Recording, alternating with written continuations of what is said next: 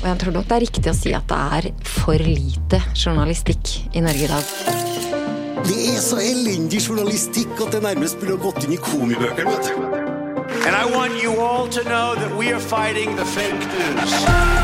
It's fake, phony, fake, fake.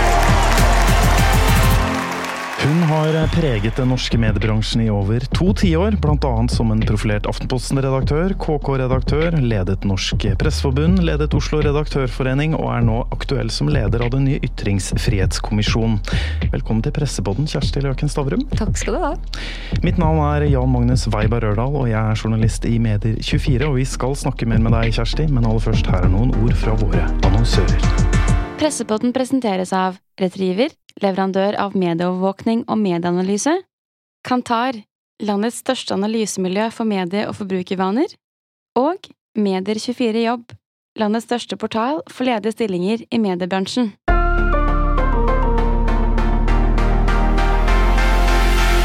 Kjersti Løken Stavrum, det er en snau måned siden nå Ytringsfrihetskommisjonen ble presentert med deg som leder. Vi skal komme litt mer tilbake til selve kommisjonen litt seinere, men eh, nå får du altså nok en lederstilling. Eh, fra før er du må liste opp her, det er en lang, eh, lang setning. Administrerende direktør i stiftelsen Tinius og Blommenholm Industrier, som er største eier av Skipstedt, for de som ikke veit det. Og så er du også styreleder i Norsk Penn. Har du egentlig tid til den eh, kommisjonsjobben her? Ja, det har jeg. Jeg har både tid og lyst. Det kommer til å gå kjempefint. Med hensyn på tid, altså. Men den timeplanen din, eh, det er ikke mange rom eh, utover 2020 nå, ledig? Nei, men de tre tingene du nevnte der, de er jo til dels overlappende. Så, så det gjør det mye enklere, egentlig. Mm. Og så oppfatter jeg at jeg har en eh, veldig entusiastisk arbeidsgiver som syns at dette, dette vervet var helt strålende. Og i Norsk Penn er vi også veldig glad for denne muligheten. Var du litt i tenkeboksen om du i det hele tatt hadde tid og anledning, eller var det Overhodet ikke. Det var ikke tvil i eh, min sjel da, da departementet ringte. Men jeg tenker det alternerer mellom veldig mange hatter her. Blir, det blir ikke litt rotete da, med så mange lederhatter i så mange organisasjoner? Nei, det gjør ikke det. Eh, Men eh, jeg tror man skal være litt klar over at det er veldig mange mennesker i Norge som har mange hatter. Eh, Og så er det noen man er veldig vant til at har mange hatter, og så er det noen ganger man kanskje stusser over at andre har mange hatter, og så må man kanskje tenke litt over, hvis jeg, hvis jeg får lov til å svare litt kryptisk, så må man tenke litt over hvorfor, hvorfor er det noen man syns er greit at har rater, mens andre ikke. Mm. Du ser ikke noen eh, mulige interessekonflikter eller habilitetskonflikter her? Nei, ikke i denne sammenheng. Um, eh, Det gjør jeg egentlig ikke. Ytringsfrihet er jo eh, et grunnprinsipp eh, i alle de tre sammenhengene som vi snakker om nå. Mhm. Da kan vi snakke litt mer om Ytringsfrihetskommisjonen. Eh, For de som, eh, veldig kort da, for de som fortsatt er usikre på hva det er, hvorfor er det så viktig med denne kommisjonen i 2020? Om det er viktig i 2020, eh, om det var viktigere i 2020 enn i 2019 eller 2021, det skal jeg ikke si. Men i vår tid så har ytringsfrihetens kontekst forandret seg ekstremt siden forrige gang vi hadde en ytringsfrihetskommisjon. Og det er 20 år siden. Det er 20 år siden. Mm. ikke sant? Eh, Og, og da, da den kommisjonen var ferdig, så var det enda, ennå syv år til, eh, til smarttelefonen kom, for eksempel. Eh, For å sette noe, det opp mot noe. Så det er klart at eh, eh, den, Jeg ser på det sånn at den forrige ytringsfrihetskommisjonen den så på den, de formelle rammene for ytringsfrihet, mens vi i større grad skal eh, fokusere på de reelle rammene. Vi Altså Prinsippet om ytringsfrihet er jo egentlig den friheten vi skal ha rett til å ha for å kunne føle at vi kan ytre oss fritt uten å bli utsatt for, for represalier. Og tradisjonelt har jo de represaliene kommet fra staten. Og det er jo derfor paragraf 100 er så klar på at staten skal legge til rette ikke sant, for en offentlig opplyst samtale. Men i vår tid nå så kommer jo ikke de represaliene fra staten. De kommer jo fra så mange hold. De kommer kanskje fra en arbeidsgiver eller fra noen du ikke engang veit hvem er, i sosiale medier. Så det er derfor jeg tenker at det er veldig bra det denne ytringsfrihetskommisjonen skal ettergå, nemlig om vi den, der den andre første kommisjonen hadde jo som tittel 'Ytringsfrihet bør finne sted', ikke sant? Eh, Og det vi skal finne ut da, er jo finner ytringsfrihet sted. Så har vi den ytringsfriheten vi bør ha. Mm. Du var litt inne på det med mandatet til, til kommisjonen. Fordi Kommisjonen har jo blitt bejubla og fått um, flere tomler opp. Vi skal bl.a. komme tilbake til det, for presseorganisasjonene gir jo en, et, en, kollektiv tommel opp. Men det har også fått noe kritikk. Bl.a. Um, altså Anine Kierulf uh, uttalte til Minerva bl.a. i januar, at, nei, eller februar at hun takket nei til å bli leder av kommisjonen fordi hun syntes på en måte mandatet ikke var godt nok, uh, og var litt usikker på som hun sa til Minerva uklart hva som skal komme ut i den andre enden. Hva sier du til den kritikken? Er mandatet for uh, løst og for lite tyngde i? Nei, jeg tror at eh, Eller jeg skjønner ikke det helt, eh, må jeg si. Fordi hvis vi skal se på ytringsfriheten i dagens kontekst, så, så, er det ikke så lett å gå inn i mandatet og se på hva skal bort. F.eks. er det ett punkt som skal bort, som er ytringsfrihet i akademia. Ehm, og det tenker jeg kanskje er litt rart at de ikke er med. Så, ehm, så jeg tror at den som liksom hopper inn i den kritikken at ah, mandatet er veldig bredt, tror jeg må bare stoppe og tenke seg litt om i forhold til hva, hva skulle man tatt vekk hvis man skal inn og faktisk se på, på de reelle vilkårene for ytringsfrihet. Det er det ene. Uh, og så det andre er jo at uh, uh, vi står fritt til å både fortolke og spisse mandatet sånn som vi vil. Så, så, derfor så er det veldig stort rom for å, for å forme det slik vi mener er hensiktsmessig. Mandatet til den forrige kommisjonen for 20 år siden, det var jo, du var litt inne på paragraf 100 her, det var jo å oppdatere grunnlovsbestemmelsene til vern om ytringsfriheten. Ehm, men burde had, Kunne ikke det mandatet i 2020 også hatt en tydeligere og mer juridisk tyngde? Det er, jo, men det er jo juridisk. Så det er også noe jeg bare ikke forstår. Det er klart at vi står helt fritt til å jobbe på det, det juridiske grunnlaget for ytringsfrihet. Så, så jeg, jeg, deler ikke de bekymringene, egentlig. Jeg, jeg syns dette er en tidsriktig ramme for, for en ytringsfrihetskommisjon.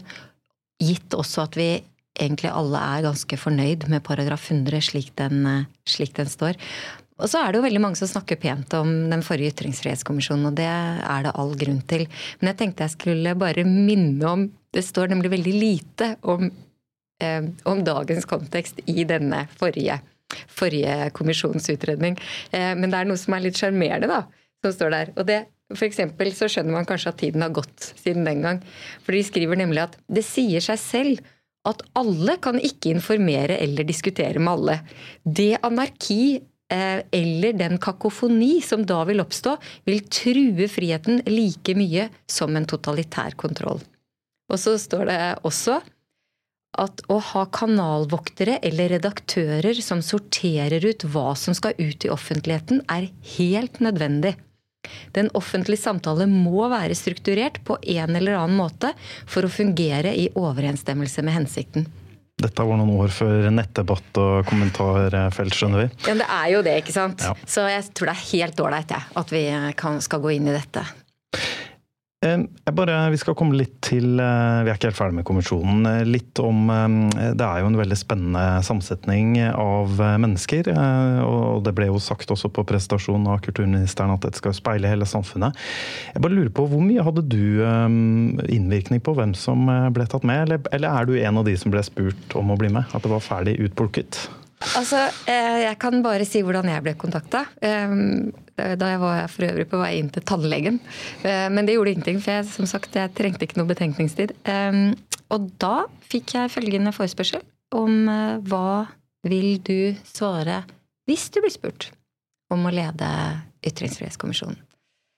Og det er jo, det er jo en tilsvarende forespørsel Det er jo måten man kan forespørre på. Så, eh, og så fikk jeg for øvrig, siden jeg ble spurt om å være leder, så fikk jeg også vite at eh, det var en shortlist på den eh, hypotetiske muligheten, da. Som, eller mulige, mulige anledningen til å lede den. Og så sa de for øvrig også at dette er en samtale som ikke har funnet sted. Og det tenker jeg er liksom fair. Det er jo sånn departementet må, må kunne jobbe. Så jeg antar at det er noen flere, eh, inkludert noen som har meldt seg, eh, eller som har gjort klart at de ble forespurt, at det var den forespørselen som noen har takket ja til, og noen har takket nei til. Eh, og sånn var det sikkert for de andre kommisjonene, men jeg har overhodet ikke hatt noen innvirkning selvfølgelig på de andre. Det er jo veldig mange mediefolk eh, med. Det er jo kanskje det Selvfølgelig må jo Pressepodden eh, liste opp eh, en del av de. Vi har jo nå en ny, nyansatt politisk redaktør i BT, da, Eirin Eikefjord, som vi ble fortalt var NJ sin kandidat. Dagen redaktør Vebjørn Selbekk, journalist Anki Gerhardsen og tidligere ja, journalist og nå politiker Mimi Kristiansson. Hvor viktig er det for deg med din ganske fyldige pressebakgrunn å ha såpass mange mediefolk med? Jeg tror det er veldig bra, fordi at eh, journalister har denne, denne daglige og profesjonelle omgangen med publiseringer og ytringer, og har stor kontakt med, med, med meningsmangfold. Men når det er sagt, så syns jeg at det er en utrolig bra gjeng som er valgt ut, og at det er folk som mange av de har erfaring med ytringer og ytringsfrihet. Eh, og de har personlig erfaring. Det er ikke folk som representerer noen andre, eller er liksom på en måte bundet bakover. Så jeg tror det gjør at vi kommer til å få mange bra diskusjoner i rommet. Så det ser jeg på som en klar styrke. Uh, nei, det er jo Jeg tror alle som ser de navnene, ser at dette blir, uh, dette blir bra. Mm. Jeg ser for meg at det kunne også vært en ganske spennende redaksjon å lede med, med, deg som redaktør. Du blir jo en slags redaktør her. Du skal jo lede en, eh, en gjeng og ja, komme, komme fram til noe. Veldig gjerne det. Og det som også selvfølgelig er en klar styrke, er jo at mange av disse er skriveføre. Og det tror jeg blir en styrke for, for det endelige produktet. Mm.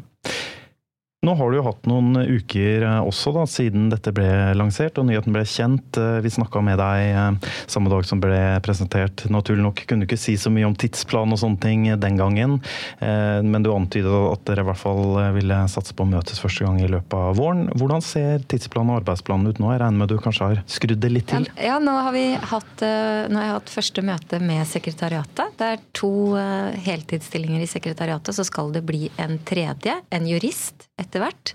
Jf. det vi snakka om med det juridiske.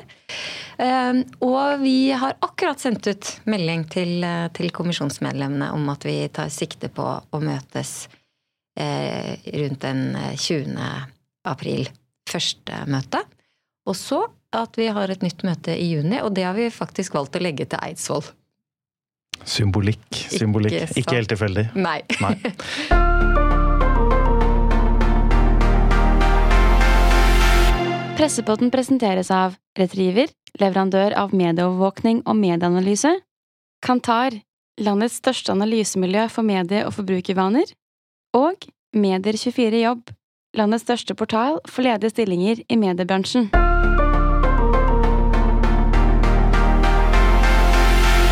Vi kan jo også eh, komme inn på, eh, som vi nevnte her eh, i stad, så vi snakket også med flere av presseorganisasjonene på samme dag. De jubler over kommisjonen, og da kanskje spesielt deg som leder. Du kjenner jo flere av de, NJ, MBL osv. De fleste sier det, eller alle sa egentlig ganske unisont, at de håper på en god dialog med, med dere. Hvor tett vil du jobbe med presseorganisasjonene?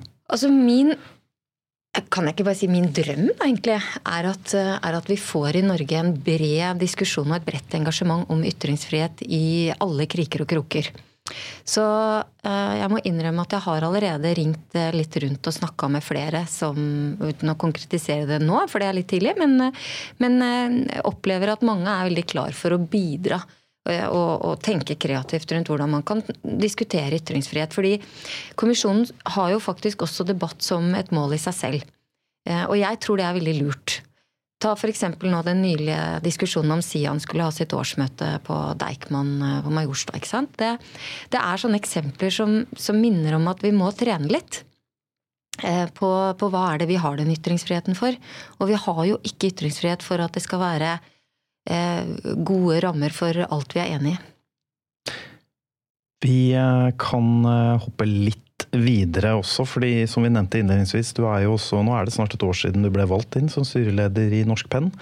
Um, hvordan har den tiden vært? Jeg er veldig glad for det vervet i Norsk Penn, fordi For det første fordi jeg syns det er viktig. Det har jeg jo alltid syntes.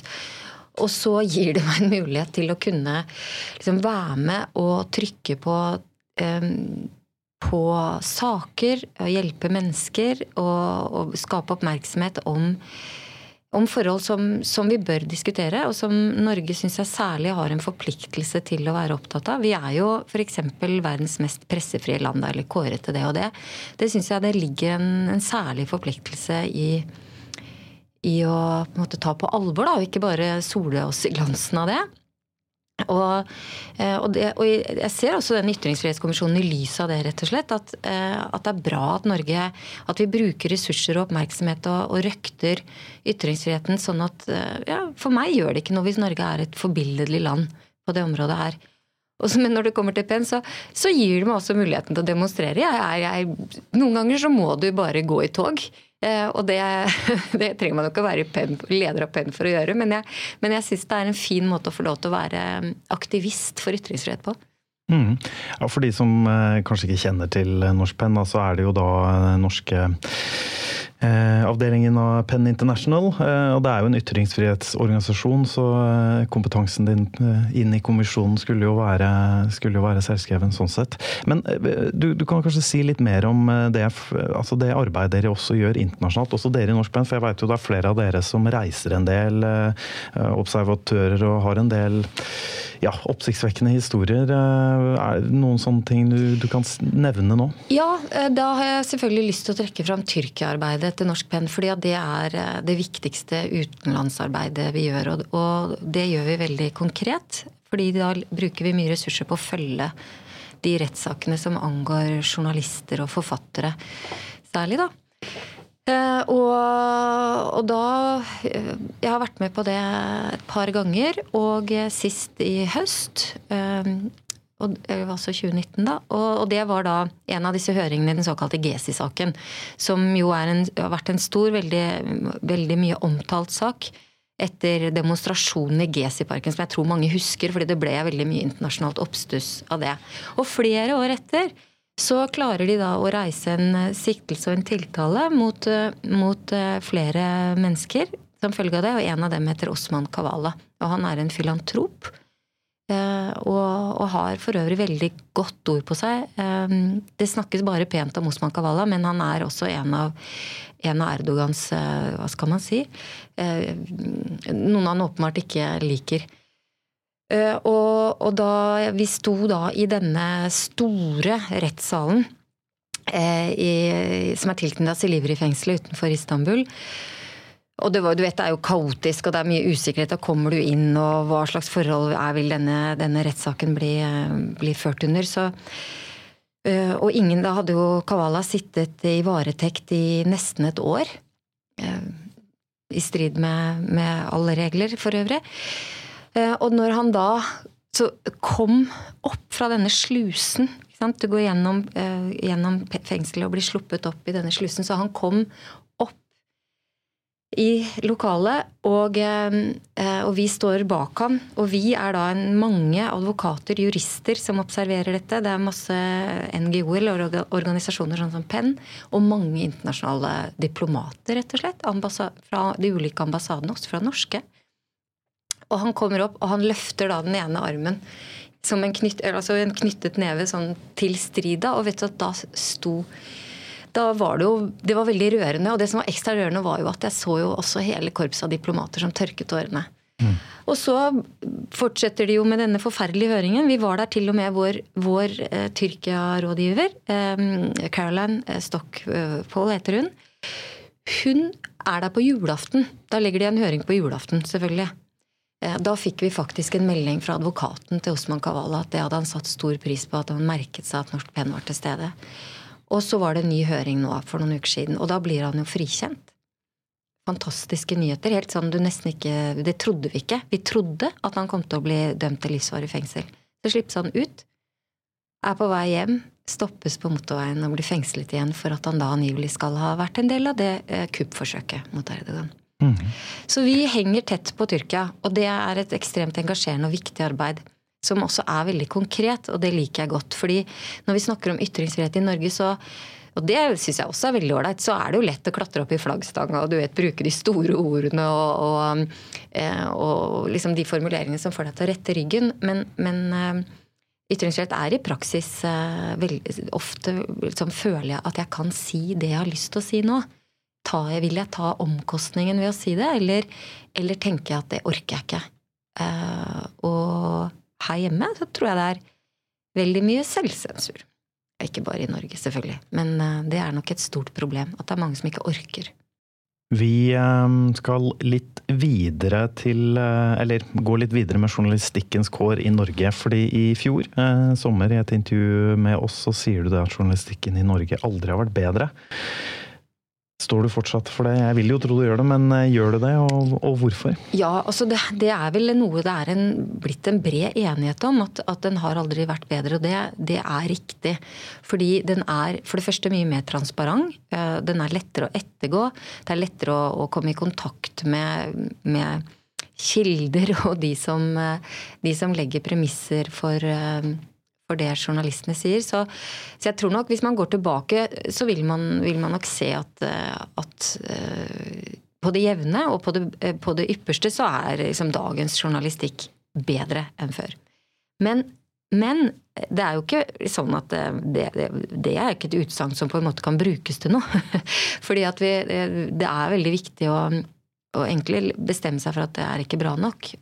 Og, og en del av Kvaliteten ligger også i kvantitet. Eh, og jeg tror nok det er riktig å si at det er for lite journalistikk i Norge i dag. Vi har for få journalister som innenfor journalistikkens presseetiske og profesjonelle rammer dekker eh, alle nye samfunnsområder eh, som er krevende. Og, som for eksempel, som for eksempel hva, teknologi, teknologiens vilkår og premisser for, for, helseutvikling, for omsorg, for eh, arbeidsplasser. I det hele tatt eh, så er det det er nok eh, det er, det er for lite av det. og, det er for få journalister som, som følger og kan være liksom dedikert på sine fagfelt, sånn at de har for lange relasjoner til kildene, som jeg tror er en styrke. Så det er ganske mye som likevel er strukturelle svakheter. Så det er ingen grunn til å Egentlig så tenker jeg ja, jeg kan si at det er veldig bra, men, men det er ikke noe man skal legge seg på minnet. Mm. Eller bruke til noe. Men nå er det jo eh, bl.a. et eh, eh, område som det i fjor, og har vært tidligere også oppmerksomhet rundt som har fått for lite dekning, er jo næringsliv, finansfeltet i landet. Nå er det jo vært en voldsom satsing nå det siste halvåret, bl.a. fra Skipstedt. Du har jo også næringslivsbakgrunn. Det er vel en gledelig utvikling, vil jeg tro, at det nå satses av flere aktører på dette stoffområdet? Ja, det er veldig gledelig av mange årsaker.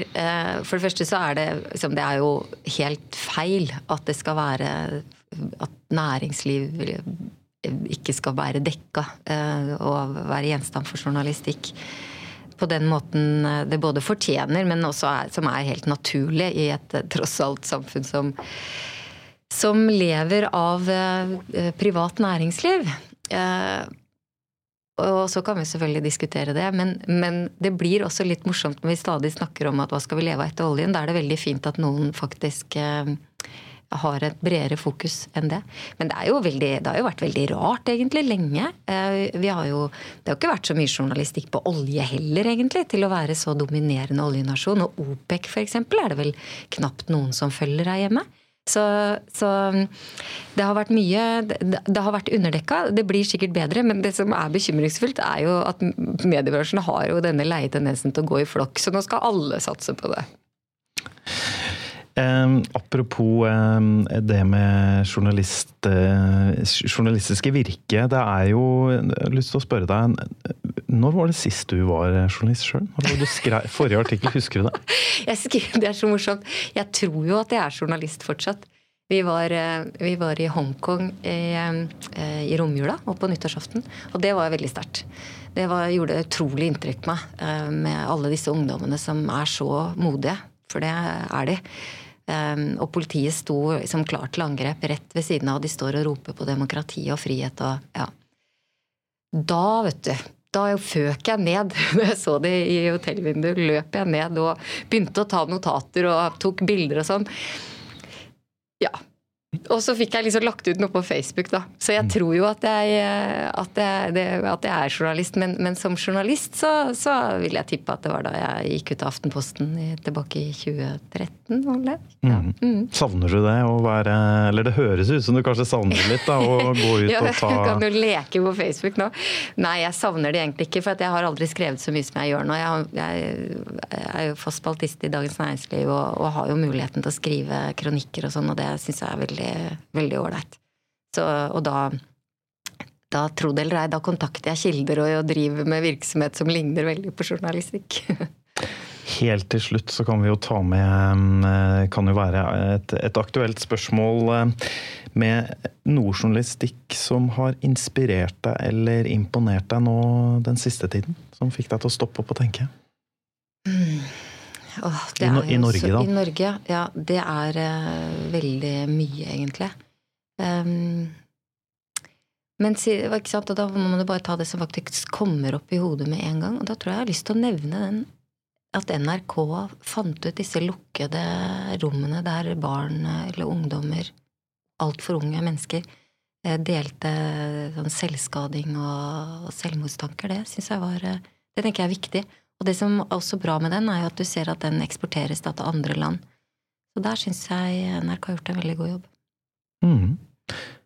Vi lar det være siste ordet, for det var det. Takk for at du stilte opp, Kjersti Løken Stavrum, og lykke til videre i 2020. Takk skal du ha, det tror vi vi trenger. og takk til deg som lytta til Presseboden fra Medier24. Redaksjonen den består av ansvarlig redaktør Erik Votland, redaksjonssjef Eira Lior, Ole Alexander Saue og meg, Jan Magnus Weiberg Ørdal. Vi er tilbake med en ny podkast neste uke. Vi høres igjen.